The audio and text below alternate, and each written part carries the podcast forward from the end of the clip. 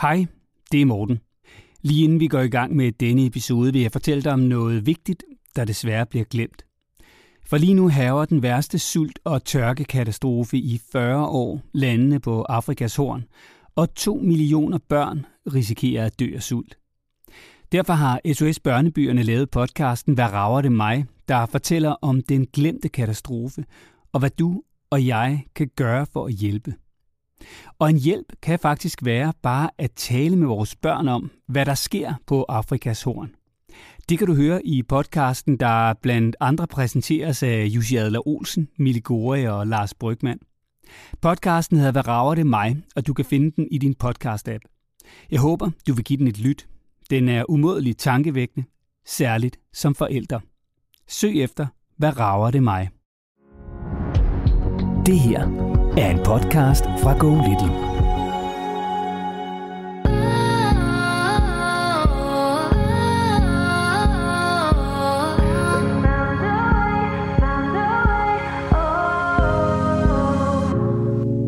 vi har simpelthen valgt at sige, at den ene sover, den er de voksne sover på vores øh, gæsteværelse, og så, så sover den anden sammen med børnene inde i soveværelset. Spørgsmålet lyder selvfølgelig på, hvad er problematikken i det, både for forholdet og i forhold til børnene? Baggrunden er, at han kan være nervøs for nogle ting, der skal foregå på skolen. Altså noget, de for eksempel har snakket om, at i næste uge skal vi læse, eller øh, du skal i bad efter idræt, og så bliver han nervøs eller usikker. Jeg bliver næsten rørt faktisk, at jeg taler om det, fordi åh, det var virkelig en, det var sgu en stor ting for os. Øh, og, og, han var meget ked af det. Det var, ikke, det var sgu ikke særlig nemt. Der, du har blanke øjne nu. Ja, det har jeg.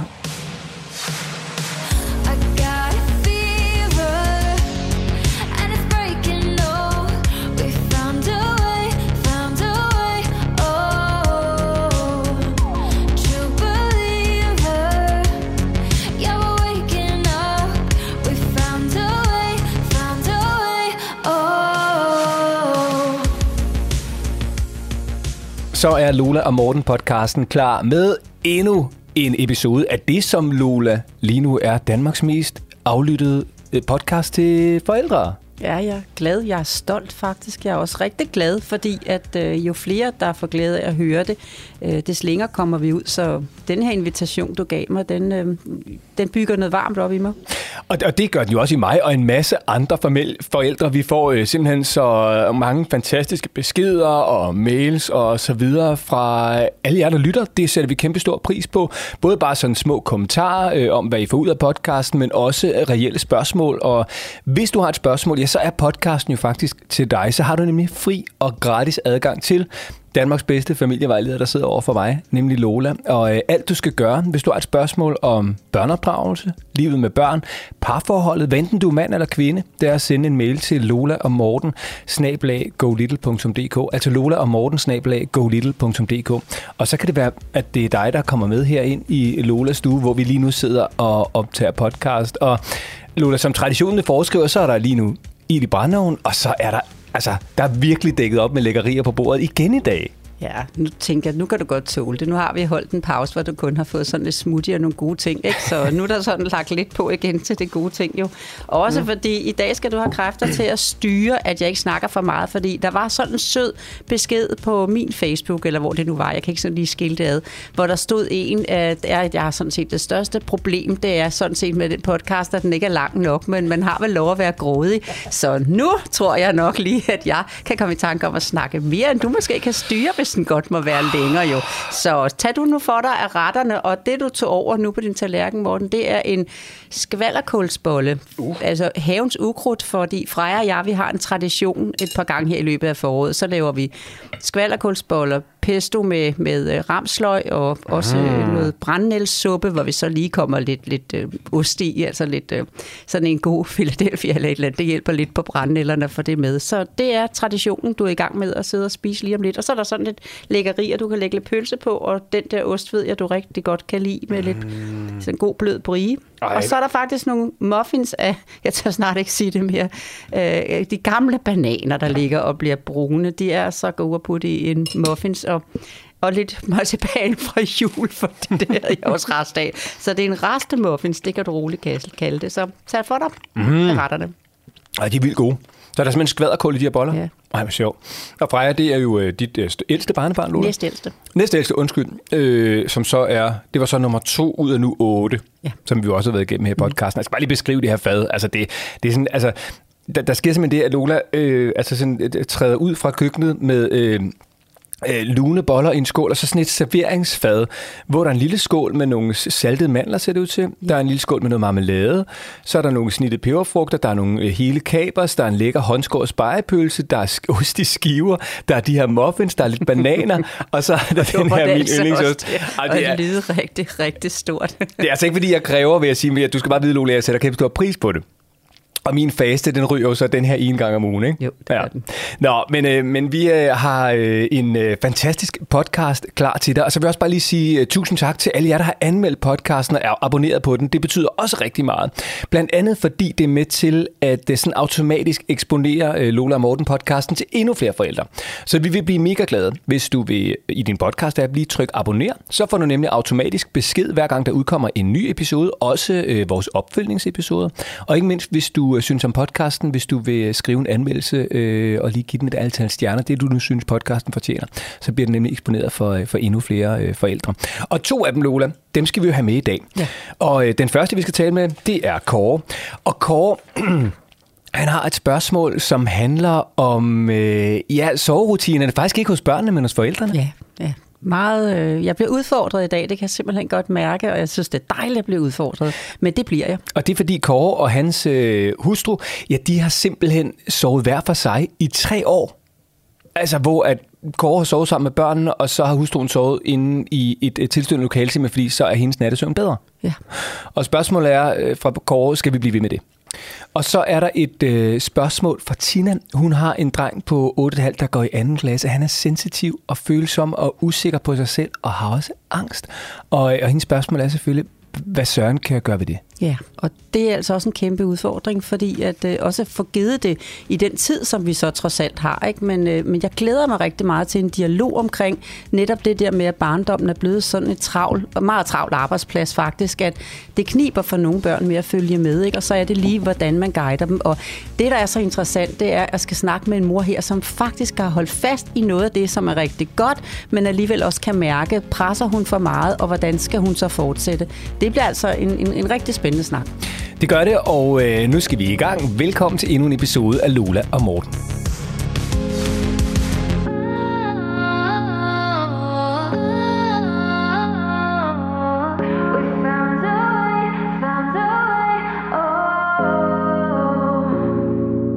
Og så skal vi en tur lidt uden for København. Her bor Kåre sammen med sin kæreste og deres to piger på 4 og 8 år. Hej Kåre, og velkommen til Lola og Morten. Ja, hej med jer. Ja, hej Kåre. Der står et meget simpelt spørgsmål på mit stykke papir. Skal man sove i samme lokale? Det er dit spørgsmål, og jeg synes egentlig bare, at du skal uddybe, hvad er det, du har på hjertet? Hvad er det, du gerne vil spørge om? Ja, det er jo egentlig øh, to spørgsmål i, i et, kan man sige. Vi har simpelthen valgt at sige, at den ene sover, øh, den ene af de voksne sover på, på vores øh, gæsteværelse, og så, så sover den anden sammen med børnene inde i soveværelset. Og det har vi gjort, fordi at, øh, at vi har haft øh, mange nætter, hvor vores to børn har, har, har kaldt øh, i løbet af natten, og så, øh, og så får vi ikke sovet nogen af os. Så derfor har vi valgt at, at sove øh, hver for sig, men har taget børnene ind. Så det, som ligesom, man kan sige, spørgsmålet lyder selvfølgelig på, øh, hvad er problematikken i det, øh, både for forholdet og i forhold til børnene. Øh, til at starte med, der synes jeg selv, det var sådan lidt øh, øh, ærgerligt, at man, at man som, som par ikke kunne sove sammen. Øh, men omvendt, så, så vil jeg så sige, at nu har, nu har vi så gjort det nogle år, ikke? Så, øh, så, vi, så jeg synes faktisk, at, øh, at der også er nogle fordele ved det, netop at man får sin søvn, og, øh, og så, øh, så fungerer man sige, familielyd selvfølgelig bedre. Hvis forslag var det, øh, at I skulle rykke i hver jeres lokale? Jamen altså til at starte med, der var det jo et, et, et, et fælles forslag. Øh, også fordi, at, øh, at jeg, sover, jeg sover typisk lidt tungere, øh, og det tror jeg, at de, måske de fleste mænd gør. hvor at, at, at, at moderinstinktet, det er selvfølgelig lynhurtigt høre, når, når der bliver kaldt. Øhm, så derfor er det også typisk mig, der faktisk sover sammen med ungerne. Og så en gang, men hvis, hvis, hvis jeg er lidt hårdt ramt, eller der har været meget på arbejde, så bytter vi rundt. så man kan sige, at mit spørgsmål øh, er nok i dag, jamen er der noget, man skal være opmærksom på, øh, i forhold til parforholdet, og i forhold til børnene, er der noget, der, der ikke er så godt ved, at man sover på den måde. Mm. Det første år, der, der synes jeg som, som mand ikke, at der savner den der nærvær med min kæreste. Øh, men jeg vil så sige, i forhold til, at, at vi så alle sammen er gladere, øh, så synes jeg faktisk, at, at det er en, en, en bedre øh, måde at, at, at sove sammen på, kan man sige. Øh, men men der, så kommer der så nogle bekymringer for, jamen, er, det, er, det, er det godt for børnene ikke at sove på deres værelse? Altså, eller, øh, altså, man tænker også i forhold til, når de bliver lidt ældre og sådan noget, bliver, bliver det så sådan automatisk, at de rykker ind på deres eget værelse, fordi så bliver det pinligt i forhold til venner og sådan noget. Øh, og hvad er erfaringen i forhold til parforhold? Øh, er det godt nok, at man sover hver for sig? Fordi hvis man, hvis man spørger de ældre generationer, og sådan noget, så, så kigger de nogle gange lidt underligt på hinanden og siger, vi har da altid sovet sammen, selvom den anden snorker hele natten. Og Kåre, nu, nu bliver jeg simpelthen nødt til at spørge dig som mand. Øhm, altså, fordi der er jo også noget, når nu man er kærester og, øh, og, og bor sammen og har lavet børn sammen og sådan noget, så er der også noget, der hedder sex. Øh, og det er jo, altså, det er jo oftest forekommende. det ved jeg ikke. Det, skal jo ikke. det kan jo være meget forskelligt fra par til par, men altså, jeg tænker, det er oftest forekommende i soveværelset. Hvordan løser I ligesom det, når I ikke sover sammen? Jamen, altså, det kan jo lade sig gøre uden for soveværelset, sådan tror jeg, jeg vil sige det. Mm. Øh, så, så det synes jeg egentlig ikke har været hverken øh, værre, værre eller bedre. Men altså, det der med at ligge nus øh, om aftenen og, og holde lidt om hinanden og sådan noget, det, det, det er jo klart, det er, der ikke, øh, det er der ikke mulighed for. Nej, for jeg kan nemlig også, altså det, det som jeg synes er fedt ved, når vi er hjemme hos os, øh, jeg er gift med Marlene, og, og vi har to børn på øh, 8 og 11, og, øh, og de bliver puttet på deres eget værelse, og, og når de ligesom sover, og når vi sådan skal til at gå i seng, så det der med, at man faktisk, sådan du ved, mens man går lidt og børster tænder og gør sig natteklar, sådan det der med lige at sludre, hvordan er dagen gået, og man kan også snakke om børnene, og kan lige sådan snakke om, hvordan man selv har det. Sådan. Og tit for os, så, så meget af, hvad skal man sige, parforholdssnakken, den, den, den forekommer faktisk, du ved, der sådan på vej ind under dynen, under dynen, lige inden man sover. Øhm, altså, hvor meget har I så af den del, når I ikke ligesom, hvad skal man sige, kan gøre det lige inden I falder i søvn?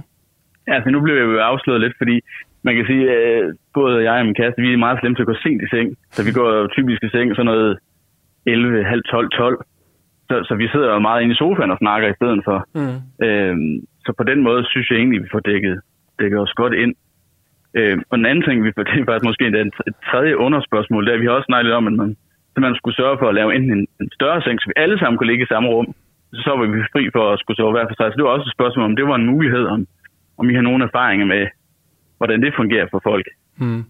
Jeg, jeg, har, jeg skal sige, jeg har en god ven, øh, som har fem børn. De sover alle sammen i samme lokale. Øh, og det, det kan jeg slet ikke forstå, hvordan kan der så gøre, men det gør de. Kåre, jeg, jeg skal simpelthen bare lige forstå. Altså, er det her et problem, eller er det ikke et problem? Fordi på den ene side, så, så lyder det som om, at prøv at høre, øh, i får snakket rigeligt ned i sofaen, I har også sex alle mulige andre steder end lige i soveværelset, og I får også sovet, og, og, og familielivet fungerer bedre, bedre osv., eller bedre end, end da I ikke gjorde det, men samtidig så skriver du til os og spørger om noget. Ja, Jamen, det er jo fordi, jeg er i tvivl om, øh, om hvor, hvor det kan bevæge sig hen, og om det er godt både for parforholdet, om det er, øh, om det er godt for børnene. Mm. Så det er, ligesom, det er jo ligesom, at det, det, det, det der er mit spørgsmål, det er bekymring fremadrettet. Klart. Lola, så, så det, nu kigger jeg på dig, fordi ja. det er jo dig, der sidder med ekspertisen. Ja. Der er to spørgsmål. Er det godt for parforholdet? Ja. Er det godt for børnene? Ja. Og Kåre, nu er det altså dig i dag, der skal hjælpe mig. Fordi at da jeg læste dit skriv, så tænkte jeg, min opgave, jeg har faktisk sagt inden vi gik i gang her og ringede op, at jeg bliver udfordret i dag, fordi min opgave er altid som familievejleder at hjælpe til med, at folk beholder det, der virker. Og det, som jeg kunne læse, det var, at jeg skal hjælpe jer med at være sikre i, om det, I gør, er godt nok for jer. Og så skal I ikke stille så meget op i forhold til, hvad andre gjorde, og hvad tidligere generationer har haft gang i, men hvad der er godt for jer. Kåre, jeg er vild med at snakke med folk som dig, der i virkeligheden har fundet ud af endda som mand, at det her ikke er et problem. Hver gang Morten har spurgt dig om noget, så har du faktisk sagt, nej, det løser vi sådan her. Nej, det er sådan set ikke. Jamen, der kan man have seks andre steder. Altså, det er sådan set ikke noget problem. Vi finder ud af det det alligevel. Ikke? Og jeg kan love dig, at hvis I som forældre har det godt med det, I gør, så trives jeres børn ved det. Det er utroligt, hvad børn oplever som positivt, og hvad de vil være med til, hvis de voksne trives med det, de gør. Det, der oftest jeg møder, Kåre, det er, at især manden i familien er rigtig, rigtig træt af, at han er blevet skubbet ud af soveværelset, og at moren ligger med børnene inde i sengen, fordi han snorker, fordi han fylder for meget, når der også skal være nogle børn, og fordi at han alligevel ikke er til nogen hjælp. Ikke? Og her møder jeg en skøn kåre, en skøn far, der i virkeligheden er gået all in for det projekt og tænker, jamen øh, vi får det til at virke, vi har det godt med det, vi har et bedre familieliv, vi er alle sammen friske, når vi vågner. Bagefter, når børnene er færdige med at ligge i jeres seng, og det kan vi så lige komme ind på, hvordan I så på et eller andet tidspunkt måske ikke skal have dem i sengen mere, så har I to et langt liv foran, og det er så den anden ting, det skal I selvfølgelig huske at passe godt på, for en dag ligger I jo i ske igen. Og så kan jeg så sige, at jeg har læst en gang, at øh, man faktisk, vi er ikke designet til at sove alene, og vi lever faktisk længere og bedre, hvis vi ligger sammen med nogen, også selvom de snorker. Så på et tidspunkt, så skal I jo tilbage sammen igen, det kan jeg anbefale, ikke? Men øhm, hvad tænker du, når jeg siger det her, Kåre? Jamen, jeg synes, det lyder meget fornuftigt. Øhm, så man kan sige, så, så har du sådan set svaret lidt på, på, det, på spørgsmål omkring øh, parforholdet, ikke? Jo. Øh, men det er så lige det med omkring børnene. Om, jeg synes jo et eller andet sted også, det er lidt synd, at, at de ikke får den her øh, læring i at sove selv. Også hvis de skal ud til øh, at have en veninde, ved en soveaftale med en veninde, eller, eller øh, uanset om det er hos veninden, eller om det er hos os. Så, øh, så vil det jo, tænker jeg, være en hård øh, øh, hvad skal man sige, første gang for dem, fordi de jo netop ikke er vant til at sove uden deres far og mor. Men det lyder ikke som om, at jeres børn kunne have svært ved det, fordi de er ret trygge ved det, de foretager sig sammen med jer. Hvis I nu havde det gamle bøvlede forhold, hvor de ikke ville sove, og hvor de var ked af det, og hvor I ikke fik en god nattesøvn, så er det klart, så vil de slitte i forhold til, at de så så måske skal ud og sove hos nogen. Men hvis I bygger rigtig godt op om dem derhjemme, og så den otteårige, altså hun udvikler sig gennem udfordringer, og I så siger til hende, Nå, men jeg kan forstå, at dig og din veninde, I, I, I vil gerne sove sammen, og hvis I skal sove sammen, så bliver det jo jo inde på dit værelse på madrasser, og så kan I ligge der. Jamen, det vil hun ikke. Nå, så må det jo vente. Altså, øh, hun skal ud og sove hos nogen, jamen, så har jeg jo ikke min far med at ligge ved siden af. Nå, så må det jo vente. Det skal nok komme. Jeg har aldrig, jeg har været familievejleder i 36 år, jeg har aldrig mødt nogen, der lå i forældrenes seng efter konfirmationen. Jeg har aldrig mødt nogen, som ikke ligesom kom ud og sove på et eller andet tidspunkt. Hvis, øh, det, det skal nok lykkes.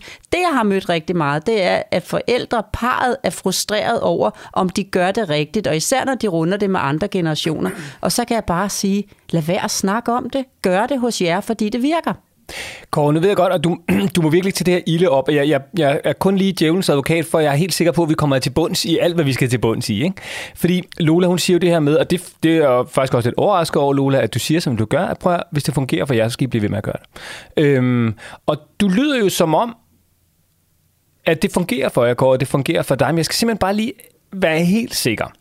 Altså fungerer det 100% for dig det her? Fordi det, der gør mig en lille smule i tvivl, det er, at så, så kommer børnespørgsmål. Jo, men du ved, jeg tænker også lidt i forhold til børn, og det er noget godt for dem. Så jeg, er bare lidt, jeg skal bare være sikker på, at du ikke ligesom stiller, hvad skal man sige, din egen milde frustration igennem, så at sige, at det er nok også et problem for børnene, fordi de i virkeligheden tænker, at det er et problem for dig. Altså forstår du, hvad jeg mener?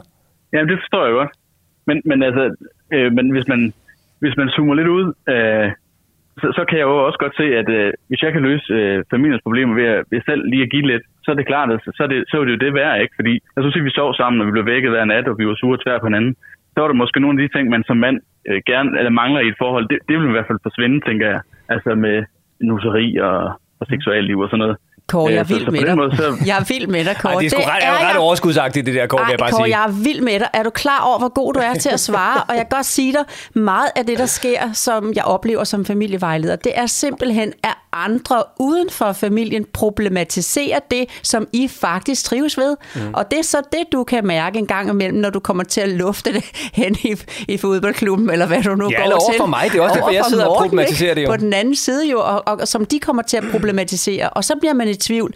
Tager mine børn nu skade af, at vi sover sådan her? Øh, hvordan med vores parforhold? Og selvfølgelig, jamen når så Morten spørger dig, hvor har I så sex? Du er en my om at svare. Jamen det gør vi bare uden for soveværelset. Hvad er problemet? For selvfølgelig, I skal selvfølgelig ligesom vise jeres piger, øh, altså sådan kram og kys og godnat og vi ses og alle de her ekstra meget, når de kan mærke, at I ligesom sover på den måde. Fordi de skal jo vokse op og mærke, hvordan giver man, hvordan tager man imod, hvordan viser man sin kærlighed. Og ved du hvad, Kåre? Det kan jeg også høre, I kan. Det er jo klart, hvis I boede som to logerende på hver sit værelse med to piger i, den ene, i det ene logirum og, og så en voksen i det andet, og ellers bare havde et arbejdsfællesskab, så var det jo en anden snak, for så vokser de jo lidt fattigt op i forhold til at kunne mærke mennesker give og få kærlighed. Men Kåre, selv der kan du præstere. Som mand, jeg vil med det. Jeg vil med det. Jamen, øh, jamen tak for det. Og det er jo selvfølgelig bekræftende, at, øh, at vi så i hvert fald ikke øh, gør noget forkert. For det er jo det altid, som vi siger, at øh, når man hører folk, de sådan tænker, nå, sådan kan man selvfølgelig også gøre. Om. Og så er det klart, så vil man jo gerne lige vende det med, øh, med nogen, som måske har hørt det fra andre mennesker og fra andre områder, end, end man selv lige befærder sig i, han har sagt. Men Lola, nu når jeg har dig, det her med, at man for eksempel fik lavet en større seng, eller for eksempel sagde, at vi sover alle sammen i samme lokale. Hvordan, øh, hvordan ser du på det? Jamen, jeg kan jo høre, at din kæreste ikke har særlig let ved at falde i søvn, når der er for meget bøvl i sengen, og derfor ligger hun jo på gæsteværelset. Så jeg tror ja. hos jer, I kan lave nok så stor en seng, men hun er en af dem, der meget let vågner, når der er børn i sengen, og derfor fungerer det her for jer. Ja, og det er rigtigt, og det har faktisk altid været lidt et, øh, hvad hedder det, en udfordring. Og, og, og min kæreste sover bare lidt. Altså, ja. Vi har først snakket om det her med, at dynen den larmer. Øh, så, og det giver ligesom et indtryk af, at altså, hun sover utrolig lidt. Man kan tale til hende, når hun sover, og så, så svarer hun. Så derfor, så derfor tænker jeg også, at, øh, at, øh, at det måske er en, en, en, fin, en fin vej, at man gør det sådan her. Ja det fungerer hos jer, og det er det, da jeg læste det skriv, så tænker I, altså jeg, jeg skal virkelig hjælpe til med, at du føler, når røret bliver lagt på, at du er så okay, fordi I har det godt med det begge to. Jeg kunne godt ønske mig, at I lavede den aftale. Det skal jeg så sige, at når børnene, de er jo store nu, der er slet ingen grund til at bygge sådan en stor seng nu, de er store, og ben på kryds og tværs og ting og sager, og så skal en op og tisse. Det, ah, det bliver alt for, der er ingen grund til det. Men, og, og så, så, jeg kan bare sige, lav en aftale, at når børnene kommer ud af sengen på et eller andet tidspunkt, så bør I rykke sammen igen og få den der følelse af at være fælles. Fordi så kan det godt være, at din kæreste til den tid er så lydfølsom over for at sove med andre, at det måske så selv i sig selv kan blive et projekt. Og der kan jeg godt se, at du står sådan lidt skuffet. Okay, nu har jeg ligget her mange år med børnene, og nu er de der ikke mere, og nu vil jeg gerne have dig tilbage. Ah, men du har fået endnu mere lyd, fordi jeg ikke har sovet sammen med dig i, i, i 6-7 år, inden jeg kommer tilbage. Så en eller anden aftale om at øve det lidt en gang imellem på et hotelophold, eller et eller andet, det, det var ikke lang tid, så har I i sengen for jer selv, så skal pigerne ud og sove forskellige steder, og overnatter på lejertur, og hvad de skal, og så er der masser af aftener. Og så kan jeg huske, når man stod med sådan en aften, Altså, hvor begge børn, alle tre børn, lige pludselig skulle afsted med tænke, hvordan gør man det her nu, når man ikke engang er vant til at sove i den samme seng, ikke? Så øh, lige sådan tænk over at lave en langtidsaftale om, hvad gør vi så til den tid? Så finder vi selvfølgelig hinanden igen og øver os i at, øh, at, at få sovet sammen, hvis det er det, I vil, og ellers så skal du slet ikke høre på mig. Nå, det, jeg synes, det, det, altså, det lyder utrolig fornuftigt. Det er jo også, det er også derfor, vi har stillet spørgsmål netop for at få nogle, øh, nogle gode input. Hvad, hvad gør man så øh, senere hen, og det kan godt være det, som mand, jeg ikke har tænkt så langt endnu. At, at, at, øh, så, så derfor er det jo meget godt input, kan man sige. At man lige, jamen, hvad, hvad gør vi så, når, når ungerne bliver forredet en gang? Hvad er aftalen så? Ja, den skal I lave øhm. nu. Den synes jeg, I skal lave nu, sådan, så I har sådan en lille snor på den imellem jer og sige, det vil vi gerne begge to. Når vi offrer os på den her måde lige nu, hvor jeg gerne vil, at vi skulle have sovet sammen, siger du som mand, så vil jeg så gerne ønske mig, når vi er færdige med at ligge med børn, så rykker vi sammen igen. Okay. Hvad tror du, din kæreste vil sige til det, Kåre? Jamen, det tror jeg da, hun er helt enig i i virkeligheden. Og hun har da også været i tvivl om, det her var, det, var den rigtige løsning, at vi ikke sov sammen. Så det synes jeg, der lyder rigtig fornuftigt. Undskyld, der er lige men Kåre, i virkeligheden, altså... Det... Jeg mangler faktisk at svare på én ting, ja. fordi du, du stillede et rigtig godt spørgsmål, i hvert fald i din fortælling. Det var det der med, at øh, hvad så, når de bliver floge over, at de sover i din sammen med dig i, i dobbeltsengen, når de sådan forvender og så videre? Det, det er de først begyndt lidt på, især den store jo netop det med, at far, du må ikke sige, at øh, det er mig, der sover her og sådan noget. Ja, det, det er øh, så det er netop ja. derfor også, at spørgsmålet er relevant, ikke? Jo, og det er nemlig et godt spørgsmål, fordi det du så bare skal vise hende, det behøver jeg heller ikke at sige. Altså det der med, at du bare, det skal jeg ikke behøve at fortælle. Fordi det der er nogle forældre, der gør, det er, at de låner faktisk besøg af vennerne til ligesom at prøve at få barnet ud. Ja, det er jo så herinde, hun sover, eller det er jo, hun sover ikke på sit eget værelse, fordi hun ligger stadigvæk i vores seng. Altså sådan, så man ligesom låner, at vennerne skal sige, ej, ligger du hos din mor og far endnu? Og så på den måde hjælpe til med, at barnet kommer ud gennem vennerne. Det kan du godt se, hvad for en, en, en dårlig øh, undergravende tredje person, man så bruger for at få kommunikationen igennem, at vi vil gerne have dig ud af sengen. Men når hun siger, ja. far, du skal ikke sige det til nogen, ved du hvad, det behøver du ikke engang at sige til mig, for det havde jeg slet ikke fundet på. Det behøver jo vennerne ikke at vide. Og derfra er der så et stykke tid, hvor hun stadigvæk vil gøre det og blive mere og mere flov over, at hun gør det, og pludselig en dag kommer hun af sig selv, inden hun er 9-10 og siger, jeg vil gerne prøve at ligge i min egen seng, når jeg skal falde i søvn, hvis det er okay, jeg må komme i løbet af natten. Og så siger du bare, selvfølgelig, at, at du kommer bare. Jeg kan også sige, at min datter på 8, hun har øh, sovet på gulvet på en madras endnu også i nat, øh, og det har hun også gjort de sidste mange nætter, øh, og nogle gange så kommer hun, og nogle gange så kommer hun ikke. Og det, er sådan, det, det går lidt op og ned, og inden Lo, jeg talte med Lola om det, så var jeg også lidt, åh, det kan også være et stort problem, og så sagde Lola, prøv her, inden konfirmationsalderen, så er hun ude igen, lad hende nu bare gøre det, lad være med at gøre det til problem, bare gør en madras klar. Så du ved, Kåre, vi okay. så også sammen med vores unger, det er bare på en lidt anden måde, end I gør. Jamen, det, det, det er jeg glad for. Det er jo faktisk det var et godt svar, synes jeg, for så, så føler jeg mig mere tryg ved den del.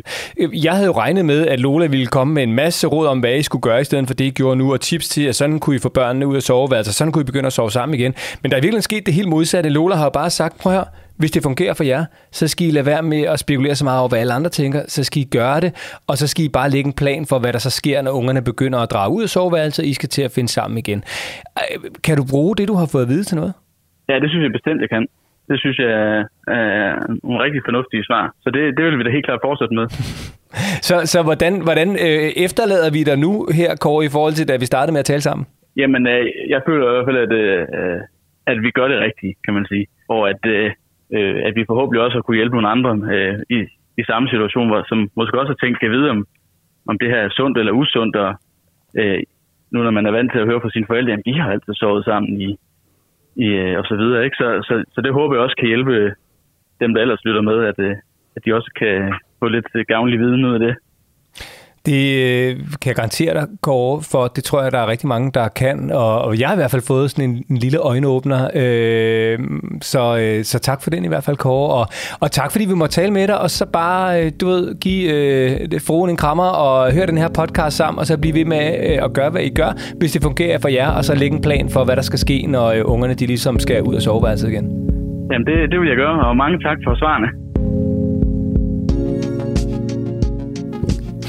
Det overraskede mig altså lidt. Ja, men jeg, da jeg læste det, så tænkte jeg, altså her skal jeg være fuldstændig skarp på, mm. om også faren i det her forhold synes, at jamen, øh, jeg har det fint med den her ordning. Det kan godt være, at måske Kåre havde tænkt noget andet, hvis vi havde snakket med ham en måned efter, at hans kæreste havde foreslået det her. Ikke?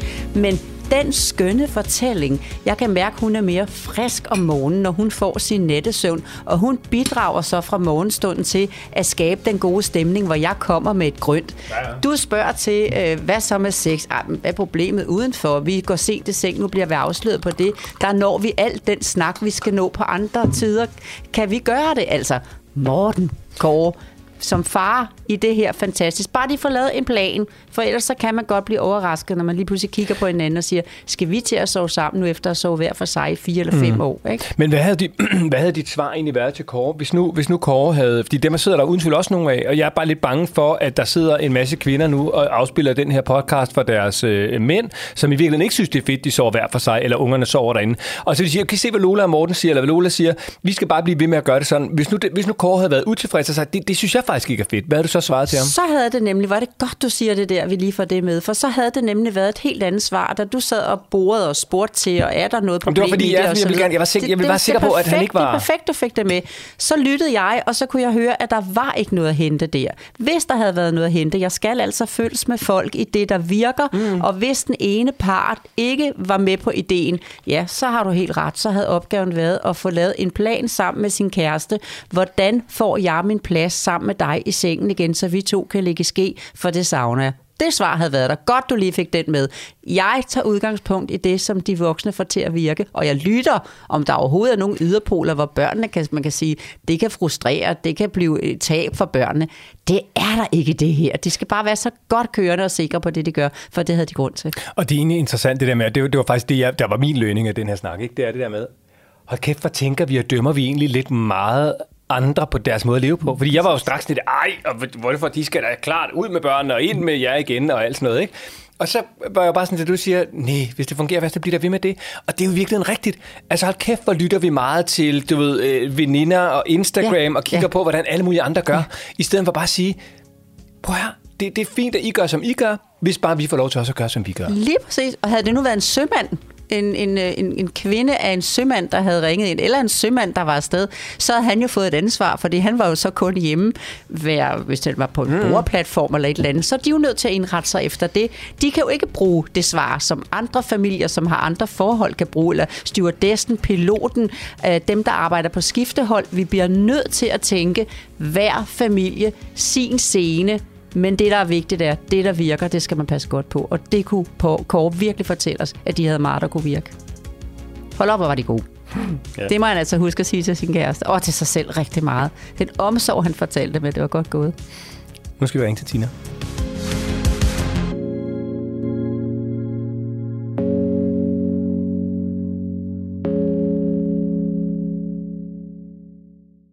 Og nu skal vi en tur lidt uden for Aarhus. Her bor Tina sammen med sin søn på 8,5. Hej Tina, og velkommen til Lola og Morten. Tak. Hej Lola, hej Morten. Hej her fra os. Tina, øh, mens vi taler her nu, klokken den er 10.44. Øh, hvor er din søn egentlig henne?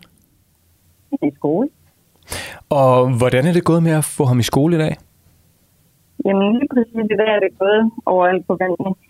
så det er jo helt dejligt. Jamen det skal også siges, at han største del af tiden er god til at komme afsted, men der er de her episoder, hvor han er bange for øh, nogle forskellige ting eller nogle krav, øh, som han ikke er helt enig i. Så Tina, lad os lige prøve at tage den fra begyndelsen. Hvad er det, du gerne vil spørge om? Jamen, jeg vil gerne spørge om sådan et overordnet spørgsmål egentlig, at at man får jo simpelthen så meget at vide, om man skal lære sit barn at sætte grænser, og skal man ud fra det, så skal man jo også altså, gøre nogle ting. Der er nogle krav her i verden, som, som ligesom skal udleves eller gøres. Øh, og den her balancegang mellem, hvornår skal man respektere, at barnet har en grænse, og hvornår skal man ligesom, at det er bare noget, man skal. Baggrunden er, at han kan være nervøs for nogle ting, der skal foregå på skolen. Altså noget, de for eksempel har snakket om, at i næste uge skal vi læse, eller øh, du skal i bad efter idræt, og øh, vi skal på tur.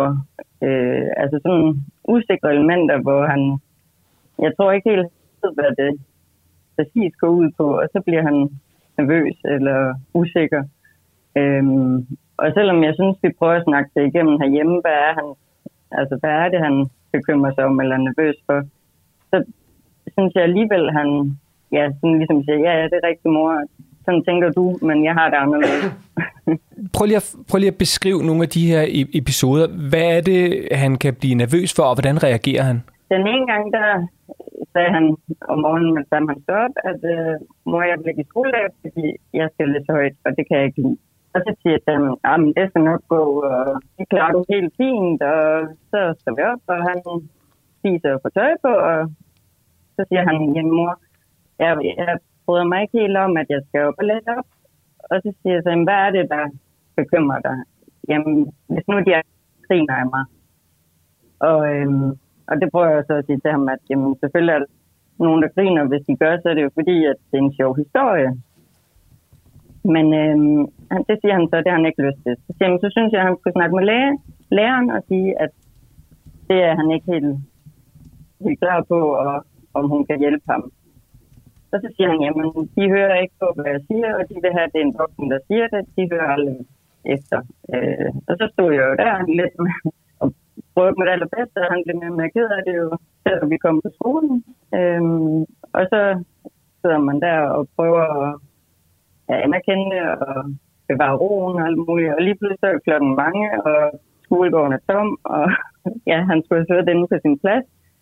Og så, ja, så tror jeg også bare lidt, jeg mister, øh, jeg vil ikke sige tålmodigheden, men, men mere jeg bliver stresset over, jamen, hvad, hvad gør jeg så herfra, når jeg ligesom går i stå? Altså, hvordan kommer jeg skridtet videre til, at han kommer ind? For han sagde ordret, at han ville have fast i bilen, så jeg ikke kunne, så han ikke kunne komme ind. Tina, hvordan påvirker det her dig? Jamen altså først, så synes jeg egentlig, at jeg tager det meget stille og roligt og, og prøver at, at blive tanden på bedst mulig måde. Og, ja. Men det er jo klart, at, at når man så synes, man har prøvet alt og ligesom er med det for idéer eller forslag eller måder at takle det på, så bliver jeg urolig indeni og kan ikke rigtig komme videre derfra. Og så, så ender det jo med, at jeg kommer ind lige den her morgen for eksempel og banker på, og det synes jeg også sådan, at man forsyrer timen her et kvarter inde i, øhm, og skal snakke med en af de voksne. Ja, så, så gør det meget øh, usikkert, tror jeg, fordi, jamen, hvad tænker den her lærer ikke, at øh, jeg skal komme og jeg forstyrre og... ja. Jeg er nysgerrig. Øh, hvor, hvor, hvor meget har du talt med skolen om det her? Lige før vinterferien, tror jeg det var øh, der var vi nede og snakke med en lærer, men de ved jo godt, altså de har jo prøvet at snakke med dem hen ad vejen. Men det er ligesom om, de sådan, ja, mere ser alle de urolige i klassen og giver dem, øh, ja, opmærksomhed. Og så glemmer de lidt, at han er den type, der gerne vil gøre det rigtige og gøre efter og gerne spørge otte gange for meget end en gang for lidt, fordi han vil være helt sikker på, at han har forstået det rigtige. Og, ja, Tina, jeg, jeg vil bare lige sige, at jeg, jeg sidder med sådan en, øh, en, ej, hvor forstår jeg dig godt følelse i maven. Tak for Det har jeg også, den følelse. Og ved du hvad, det er fordi, jeg har faktisk oplevet stort set det samme med mine egne børn, som du har. Øhm, min søn, det var meget, da han gik i børnehave. Han havde faktisk også en periode, i, øh, da han begyndte i 0. klasse. Han var simpelthen så ked af det, når han skulle afleveres i skolen, sådan at jeg nogle gange simpelthen måtte skrabe ham af mig. Du ved, at der stod en, en pædagog eller en lærer i, i den ene ende, og ligesom bare, du ved, holdt ham, mens jeg ligesom prøvede at vriste mig fri, for på et eller andet tidspunkt blev jeg nødt til ligesom dig at gå. Og den der følelse af, du ved, at efterlade et barn, som er ulykkeligt, var virkelig, altså det var meget svært øh, for mig. Øh, og, så du skal bare vide, at Tina, jeg ved præcis, hvordan du har det, og, og jeg ved også præcis, hvor svært det er. Så du skal bare vide, at du ikke er alene. Nej, det er glad for at høre, men ja, desværre har det jo været faktisk siden børnehaven. Øh, ja, i perioder eller Lola, du har faktisk hjulpet mig med, med de her udfordringer. Hvad vil du sige til Tina? Jamen, jeg vil starte med at sige, at øh, du skal have seks stjerner af mig for at ligesom kæmpe så meget for at holde fast i, at han skulle nogle ting. Altså, øh, for det plejer at være sådan for rigtig mange bekymrede, især mødre. Altså det her med, at man så net, netop tænker, jamen så fjerner jeg de sten på mit barns vej, når det nu er, det er så svært for ham. Så jeg trækker mig med ham, jeg hjælper ham, jeg sørger for, at han ikke skal de her ting. Og der har du faktisk forsøgt at holde fast, og det er lang tid, du har holdt fast. Og øh, hvis jeg kunne dele, hvis jeg nu var madanmelder, så ville jeg give seks kokkehuer for den gode ret. Og hvis jeg nu er pædagogisk øh, forældreanmelder, så vil jeg gerne give dig seks stjerner for, at, øh, at du har sådan ligesom haft mod til at holde fast. Og så det næste, jeg gerne vil sige til dig, det er, at det handler ikke om din søn. Det skal du simpelthen helt væk. Det handler simpelthen om, at barndommen er blevet så travl i dag, at det kniber for ham at følge med.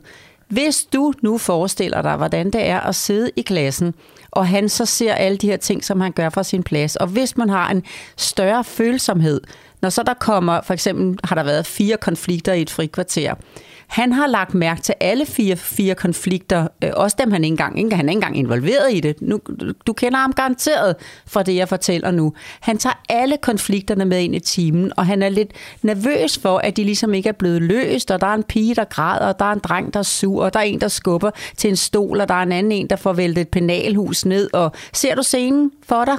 Fuldstændig, jamen, jeg kan, ja, 100%. Ja, så sidder han stille på sin plads.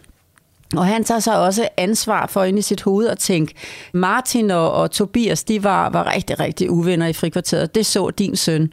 Og han kan godt se på deres ryg stadigvæk, at de er i hvert fald ikke helt færdige med det jo. Og, og, og han ved faktisk også, hvorfor Julie græder, fordi at, øh, han så faktisk, hvad det var, der skete. Fordi din søn ser det hele. Det, der så er hans udfordring, er, at når han så læreren kommer ind, og, og, og, det, det, der er ikke nogen lærer, der skal høre det som en, en kritik nu. Jeg ved godt, at, øh, at, at der er jo også, de må også vedkende sig en begrænsning, og der er mange børn i klasserne i dag, og i børnehaver osv., så som har større uro, men det rammer altså rigtig meget en type søn, som, som, som din søn, og som jeg også kunne sige til Morten dengang, med hans søn, som har en større følsomhed, fordi de tager det hele ind under huden. Han tager ansvar for det alt sammen, og der, hvor det rammer ham, det er, at når han kan mærke, at læreren faktisk ikke kan takle situationen, ikke få ryddet helt op på situationen, når siger for eksempel Julie, hun sidder og græder, ikke også? Og så er der en anden en, der siger, jamen det var fordi, at det var ham, der slog Julie. Og så sidder din søn og tænker, det var slet ikke sådan, det skete, fordi han har været så opmærksom ude i frikvarteret, så han har nemlig også set, hvad der gik forud for, at det endte som noget, man blev ked af. Kan du godt følge din søn nu, som har så mange bolde i luften på vegne af andre børn? Han ender op med den konklusion, at hvis jeg skal læse op i klassen, og nogen griner, så er jeg ikke helt sikker på, at læreren at jeg er i de bedste hænder, at læreren kan hjælpe mig. For jeg ser for mange situationer i min hverdag sammen med lærerne, hvor de faktisk ikke får samlet op om de her børn i forhold til de konflikter, der har været. Kan du se, hvad der sker for ham? Jamen, jeg kan sagtens se det. Altså, og, og han er til mig også den type, der faktisk prøver at sige det, når der så er noget, der er uretfærdigt eller ikke er foregået. Øhm, så, så derfor så ved jeg godt, at han, altså han får også lidt knupt med, at øh, det flygt vandrer i, eller sætte sig ned på din stol, eller de her ting. Ikke? Og det gør det kun ondt værre, fordi at så får han jo det her oveni. Hvis ikke der er nogen, der tager sig af det her, så bliver han bekymret. Han får ondt af alle de der børn. For eksempel bare sådan ting, som hvis læreren siger, i nogle klasser, jeg har været med, nu sætter jeg altså en streg, hver gang jeg siger tingene mere end én gang til nogen. Så får de en streg, og når der er fem streger, så må vi altså lige få fat i mor og far. Så er din søn den type, som han sidder ned på sin plads og tager ansvar for, pas nu på, pas nu på, Tobias, og nu, nu, nu var I ikke helt gode venner i fri frikvarteret, så nu, nu, oh, hvis ikke du stopper nu, så får du nok en, en streg af læreren, og al den uro inde i hans hoved gør, han har svært ved at skal læse højt i klassen. Ja. Men Lola, så langt så godt. Du er helt med på, hvad udfordringen er. Jeg ved det også, fordi jeg har prøvet det på egen krop, om så må sige eget barn. Men hvad skal Tina stille op? Snak med læreren. Du skal simpelthen snakke med læreren om, hvordan din dreng har det. Og så skal du sige, at du er helt med, for det er der, du fik seks stjerner af mig, Tina. Det var, at du er helt med på, at han skal udvikle sig ved udfordringer. Men han skal have dem mm. i portioner, så han kan magte dem. Og han kan magte noget af det sammen med dig. Men du kan jo ikke flytte med ham ind i klassen og være der for ham. Og rent faktisk, når du så prøver, hvad der er vildt fantastisk, at du har forsøgt at gøre, at ligesom sige til ham, jamen du er nødt til at gå op i skolen, du er nødt til at gå afsted. Men hvis han havde vidst, inden han gik afsted, at læreren var klar over, hvordan han havde det, altså at han virkelig, at, øh, du må gerne afspille det her for læreren, altså du må gerne låne mig, når du fortæller, jeg skal ikke øh, skolerette læreren, hvad de skal gøre, vel, men jeg kan bare inspirere til, at hvis de giver ham den tryghed, at de holder øje med, hvordan han har det fra hans plads, og hvis han ikke magter at gå op og sige højt, så skal han blive fri. Han kan også blive inde i frikvarteret og læse højt for læreren, når de andre er gået ud, for det kan være en begyndelse ja, så synes hun ikke, hun får nogen pause. Nej, men jeg ved det godt, men hun får en, en, en dreng, der kommer langsomt i gang. Det kan også være en af hans bedste venner bliver med ind i frikvarteret som step 2, og så er han den sidste, der læser op, mens at, øh, Joachim hører med, fordi Joachim er sød til bare at sidde og lytte. Ej, og tak for lån, Joachim. Dejligt, du lige vil høre øh, Tinas søns øh, historie nu her, ikke? fordi så kan han lige så stille øve sig. Han skal udvikle sig igennem udfordringer. De må ikke være så store, så han knækker halsen. Og det er det, han mærker lige nu. Især 15 minutter inden du skal stå og fortælle. Det bliver det ikke sjovt. Det er ikke sjovt. På, øh, på tirsdag skal de læse historie højt for hinanden. Hvis du ved det om fredagen, og så selvfølgelig ikke går og taler op og så videre, men siger, ved du hvad, jeg kan sagtens sende en besked til læreren. Øh, den kan hun nå at læse, at den her, den synes du er svær. Og så ved jeg, at så passer hun godt på dig, for det har I talt om til et møde, at han skal have det i små små portioner. Jeg synes, det er rigtig vigtigt, at børnene kommer til at opleve at komme med på tur og få lov at læse op og kunne ture være med til et eller andet nyt, som de ikke har prøvet før. Men de bliver nødt til at mærke, at de er sammen med voksne, der kan, kan passe godt på dem. Du kan høre her, hvor mange gange jeg i podcasten har sagt, at det skib, der skal komme til undsætning, familieskibet, den der redningsbåd, når børnene er ved at drukne, der skal saft og kraft i motoren. De skal mærke, at vi kommer med fuld kraft. Det skal de altså også mærke, når de sidder med en opgave i skolen, hvor man er nervøs. Der skal lærerens redningsbåd også være kraftfuld, og det tror han ikke på, når han ser, hvad der sker omkring ham. Ja, nu for eksempel, det er sådan noget som altså med idræt og bad. Nu ved jeg godt lige, at coronatiden har gjort, at, at det ikke lige har været det store problem, men det kommer jo igen. Der, altså, der spurgte jeg, hvorfor er det et problem at skulle bad? Jamen, det er jo så det her med, at han bliver skyndt på. Altså, jamen, du er også langt, kom nu i gang, og du ved, altså, de får jo hele tiden de her nederlag på en eller anden måde, synes jeg. Altså, øh, og, og altså, så kommer jeg bare til at stå som sådan en forælder, der kommenterer alt nærmest, altså, det er lidt overdrevet, ikke? men alt, hvad der sker på skolen, fordi altså, der er mange ting, hvor jeg synes, at alt går for stærkt, og det vi glemmer at lytte, øh, hvad det egentlig er bag om problemet. Jeg kan virkelig godt sige, jeg kan godt følge Tinas udfordring her, fordi man kan jo godt blive den der forælder, som sådan, nu skal mit barn også have særlig hjælp i gymnastik, og er du ikke også sød lige at tage dig af her, og kan du ikke også lige om eftermiddagen, når vi har en udfordring, altså, det er, det er, du har seks stjerner hos mig, Tina, i forhold til, at du selv har forsøgt at gøre det. Altså, hvis du nu havde pakket ham ind i vat og bomuld, jeg kunne mærke måske, hvis jeg snakkede med dig, eller læste det, du skrev til os, at du synes, han skulle beskyttes, at du synes ikke, at han skal i bad, når, når han ikke har lyst til det. Men du har lyst til at hjælpe ham, og du synes, han skal lære det, så bliver du altså også nødt til at kan stole på, at dem, der skal hjælpe ham, de giver ham sådan en fornemmelse af, at her, jeg passer på dig i det der om omklædningsrum. Han står og falder i staver, fordi han står, jeg har, jeg har jo været der med ham, han står og falder i staver, fordi han skal holde øje med, hvor svært er Anders har ved at tage sine strømper på. Det er godt nok rigtig synd for Anders, at han har nogle drillesokker på den måde, så han skal bande og blive sur på sine sokker, når de skal på. Men samtidig med, at han kigger, så glemmer han selv at komme i gang. Og, det, og Lola, jeg, er helt, vi, det, jeg er helt med på den der. Det, det har du, den, den er jeg med på. Jeg er bare, bliver bare nødt til på Tinas vegne så at spørge helt konkret, hvad er det, hun skal sige til den lærer, som hun har snakket med tidligere? Gå med modstanden. Forbered, på reak- forbered hende læreren på reaktionen, fordi selvfølgelig kan de med rette, det skal jeg også sige på vegne af læreren, de kan jo med rette sige, altså der er en græns for, hvor meget vi kan ud over det her med, at vi skal jo også undervise os. Ja, ja, og 27 elever, der har 27 forskellige behov. Med deres for, forskellige behov. Men de behov er steget, fordi der er kommet mere pres. Der er meget mere pres i barndommen. Der er meget mere pres i klassen. Yes. Så Tina skal nu tage samtalen med mig igen, og du er Lun Tina. Og jeg skal sige, jeg ved godt, at jeg kan lyde som en, der kommer og skal styre hele skolen. Jeg ved godt, jeg kommer med mange ting, men lige de her ting her, det vil betyde rigtig meget for ham.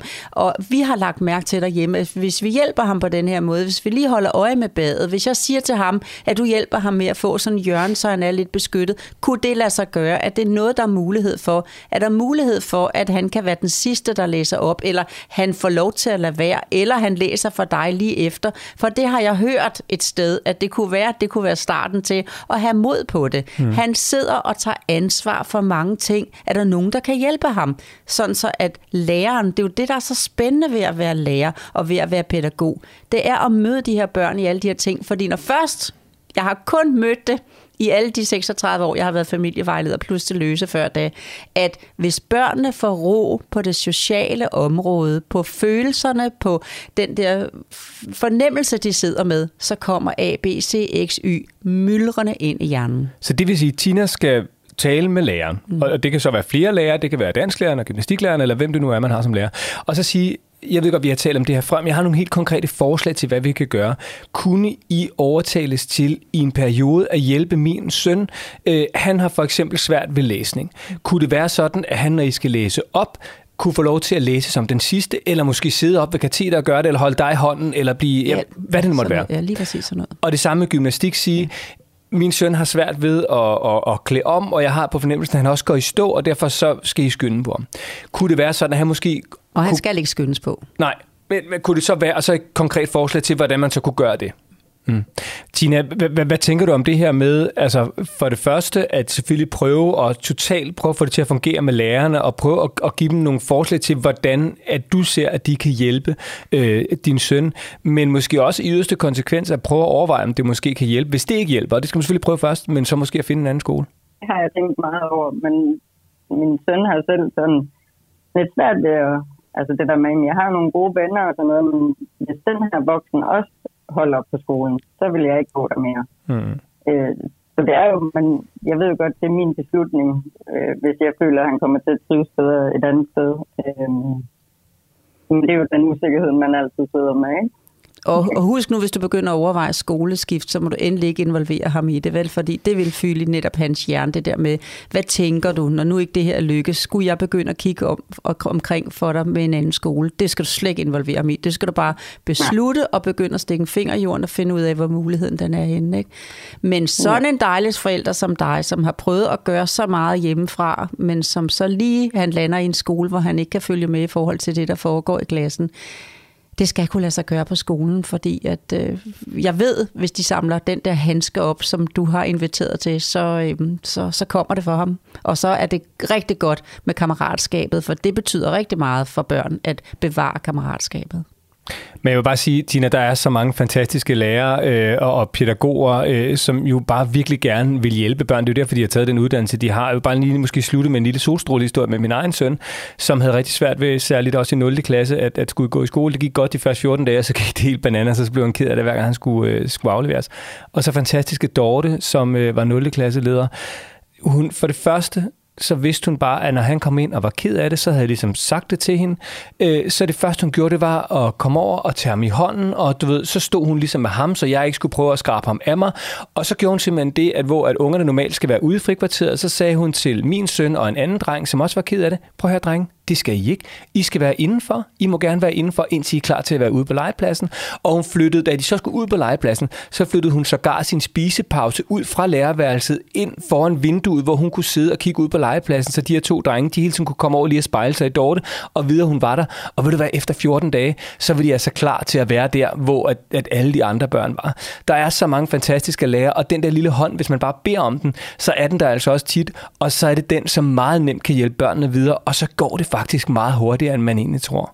Og de lærer med den x-faktor i forhold til det, som du fortæller om nu, Morten, dem har jeg også mødt ude i marken, og mine børnebørn har også mødt dem, og jeg skal ikke sige nogen navn nu, for de ved selv, hvem de er. Og det er lige det lille ekstra, der gør hele forskellen for en rigtig, rigtig god skolestart. Anden klasse, han har så mange år foran sig, han skal altså komme i gang nu med hjælp fra de voksne. Tina, der er jo, det er meget simpelt. Du skal simpelthen tale med læreren, og du ved godt, du har gjort det før. Du skal gøre det igen. Totalt med overskud. Anerkend, at ja, der er en udfordring. Jeg ved godt, det kræver noget ekstra, ja, men jeg kunne så godt tænke mig, at vi prøvede det her. Giv dem nogle inspirationer til, som Lola også er kommet med. Afspil eventuelt det her for dem. Hvad, hvad de kan hjælpe med, og så se, om det ikke bliver bedre. Fordi øh, næsten våge på at stå, at selvfølgelig vil de hjælpe med det, og selvfølgelig kan det blive bedre. Og hvis det så mod forventning ikke skulle vise sig at lykkes, så kig efter en anden skole. Ja, men, men jeg kunne godt tænke mig ligesom at have også et redskab til, hvordan takler jeg, hvis det opstår om morgenen, uden jeg ved, hvad det er. Altså noget, de voksne heller ikke har kunne vide, vil give problemer. Må, må, jeg, må jeg komme med et konkret råd der, Tina? Fordi det har ja, jeg oplevet. Så vil jeg ja. simpelthen, altså du tænker på, når han skal afleveres i skole? Ja. Yes. Så har jeg gjort det, øh, at jeg simpelthen bare har, øh, har taget min hånd, og så har jeg gået ind til læreren, eller min datter, hvis hun har været ked af det, fordi jeg godt ved, at der er jo et tidspunkt, hvor klokken ringer ind, og der kan jeg ikke være der, det bliver nødt til at gå. Så går jeg ind til læreren, når han eller hun kommer ind i klassen, og, og så siger jeg med det samme, åh, ved du hvad, der er lige en, der har brug for en ekstra hånd her til morgen, kan du lige hjælpe med det? Og du ved, så er de bare, ja selvfølgelig, og kom du her, og nu skal du se, og så tager de ligesom øh, den ene eller den anden med, eller måske hjælper med at skrive på tavlen. og sådan. det er simpelthen bare, i stedet for at stå ude i skolegården og ordne det, så gå direkte ind til læreren, og så sige, ved du hvad, der er en, der lige her har brug for en ekstra hånd. Jeg kan bare sige, det hjælper. Altså, det hjælper fuldkommen fantastisk hos os. Og det gode ved den fortælling, skal du vide, Tina, det er, at den er uden ord fra dig. Fordi hvis du begynder at stå og snakke en hel masse med ham ude i skolegården om, hvad det er, han kan være ked af, hvor svært det kan være, og hvis han kommer ind, og det ikke helt lige går, så får han så faktisk så meget mere støj ind i sin lille, øh, i pandelapperne der, hvor han skal, som han skal fordøje i forhold til alt det andet svært, der er i forvejen. Så hvis du netop som Morten, kort og præcist, ved du hvad, jeg tager dig i hånden, ved du hvad, vi går lige ind og snakker med læreren, det her har ikke været den bedste dag at starte i dag, der var lige det her, ved I hvad, du får lige hjælpen fra din lærer, og du så går igen og lader det ligge der, men du afleverer med præcision, uden at gå ind i det med ord. Det kan jeg kun anbefale. Og ikke så meget Jamen. snak for dig, bare ind. Super. Jamen, det er ret. Nu har jeg lidt at gå med. Mm. Tina, kan du... Meget. ja, Tina, hvordan efterlader vi dig nu? Jamen, lidt vil jeg sige, fordi en af alle mine tanker har jo præcis været sådan. Jeg tror bare, jeg har været bange for, at jeg er for krævende eller for meget. Prøv Tina, der, der er masser af håb, og jeg, igen, du, du skal bare vide, du er overhovedet ikke alene. Jeg har været der. Tusind, hundredtusindvis af forældre har været der, hvor du er.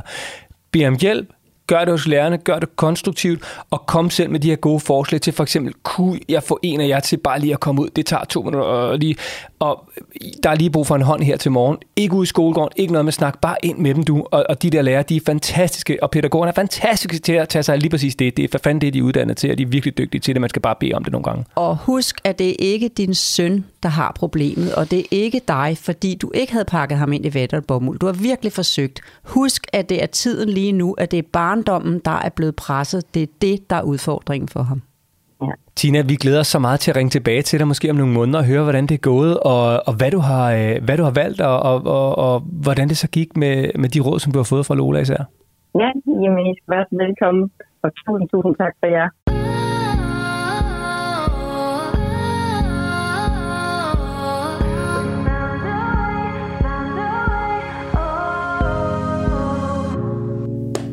Kæft mand, jeg kender det der. Ja, men det er altså også nu, jeg sidder og får lyst til at klone rigtig mange af de der Dorte, og dem jeg også har kendt, de ved godt, hvad de hedder alle sammen. De der gode Stine og Stine og Sine og Mette og alle dem, der er rundt om i landet, som bare kan det der med ja. lige at gå ud og tage fat i den der hånd. Og ja, det er rigtigt nok, det går ud over pausen. Men ved du hvad? De siger til mig hver gang, jamen jeg får jo så meget pause i den anden mm. halvdel af skoleåret, fordi der behøver de mig ikke, for jeg var der, da de lige havde brug for mig. Yes så små ting. Og det kan være lige, at mor og far er gået fra hinanden, og der er også lige brug for en hånd, og det kan også lige være, at man ikke var så sulten den morgen, så man ikke lige fik spist mad, og så er man lidt sulten, og blodsukkeret går ned, så har man også lige brug for at gå hen og tage en mad. Så noget kan nogle af lærerne bare se, uden at have uddannelse til, sådan noget, man kan uddanne sig til. Og, og må jeg så bare må jeg komme med, med sidste godt råd? Mm. Fordi ved du hvad vi gjorde? Det, hele den der øh, episode med Dorte der, som tog sig af, af, af min søn og sørge for, at han fik en god start i 0. klasse. Ikke? Altså, det var sådan helt, jeg blev næsten rørt faktisk, at jeg talte om det, fordi åh, man, det var virkelig en, det var sgu en stor ting for os. Øh, og, og, han var meget ked af det. Det var, ikke, det var sgu ikke særlig nemt. Der, du har blanke øjne nu. Ja, det har jeg. Øh, jamen, det er fordi, det, og det er bare derfor, jeg kan så godt følge det der, som Tina siger, fordi det, altså, det er så fucking hårdt, mm. det der med at bare skrabe sit barn af sig der om morgenen. Altså, det er virkelig øh, man føler sig som den dårligste forælder.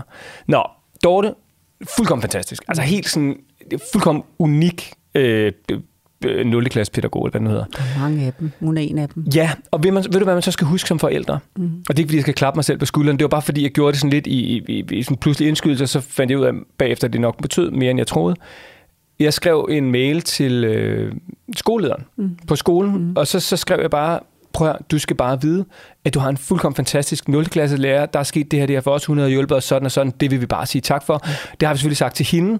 Jeg tror også, vi gav skulle sikkert nok ikke eller andet. Men, men, men, men til ham, og hun var ikke CC eller noget som helst, han skulle bare vide det. Mm. Og det, at han fik det at vide, og han så videre sendte den mail til Dorte, og hun vidste, at han vidste, det gjorde så bare måske, tænker jeg, at, at hun lige kunne gøre det med 10 nye børn, ikke? Jo, lige nok. Man skal fandme også huske at anerkende det. Sikkert, Både til dem selv selvfølgelig, men måske ja. faktisk også lige skrive, bare til dem, der styrer skolen og er hendes chef. Du og skal kom, bare vide. Og komme tilbage, når noget har været svært, og det er blevet godt igen, og sige tak for den hjælp, vi fik. Godt, du lige fik det med, Morten. Det, de, de trænger til et skulderklap, også især dem, der virkelig gør lige det der lille ekstra. Ja, tak for det. Og så fik du endnu en gang givet masser af gode råd, Lola, til Kåre og Tina og en masse andre forældre, der sidder og lytter med nu.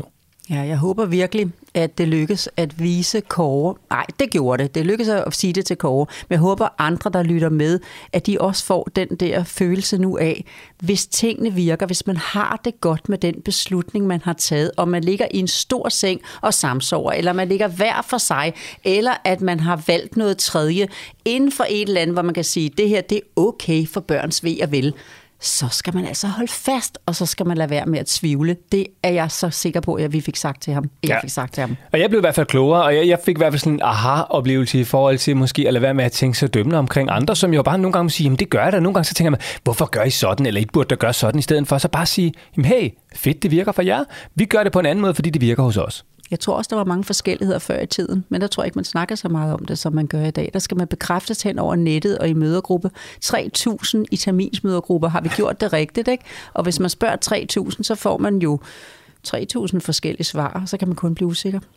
Og så var der Tina her til sidst, som jo altså er mor til en dreng på 8,5 år, der går i anden klasse, som er meget sensitiv, følsom, usikker på sig selv, og altså også har angst for for eksempel at skulle læse op i klassen. Og det var, sådan, det var for mig sådan ret rørende, fordi den historie kender jeg bare. Ja, du fik faktisk blanke over natte, og jeg kan sige, jeg håber så meget, at øh, det var ikke, det er ikke hendes søn, det handler om. Det er ikke hende.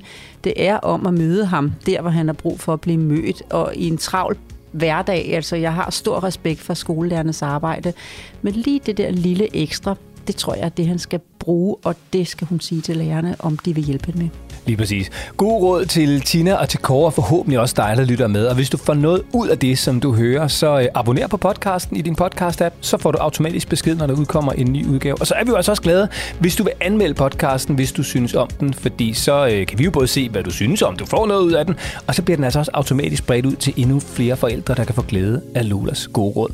Lola, øh, er vi klar til at gøre det igen om en uge? Jeg er rigtig, rigtig klar, fordi jeg synes virkelig, at de her skønne spørgsmål for sådan nogle skønne forældre, det gør, at vi til sammen alle sammen, hvis vi står sammen om det, kan skabe den der forældresikkerhed igen, som jeg rigtig gerne vil hjælpe frem. Der er en direkte linje til Lola. Den hedder Lola og Morten, snabelag golittle.dk. Har du et spørgsmål om børn, børneopdragelse, livet med børn, parforhold, hvad enten du er mand eller kvinde, mor eller far, bonusmor, delefar, mor, bedsteforældre, der, prøv her, der er åben linje, så skriver du bare, og så kan det være, det er dig, der kommer igennem i podcasten og får gode råd. Lola, det har været en fornøjelse endnu en gang. Tak for nu. Tak, i lige måde.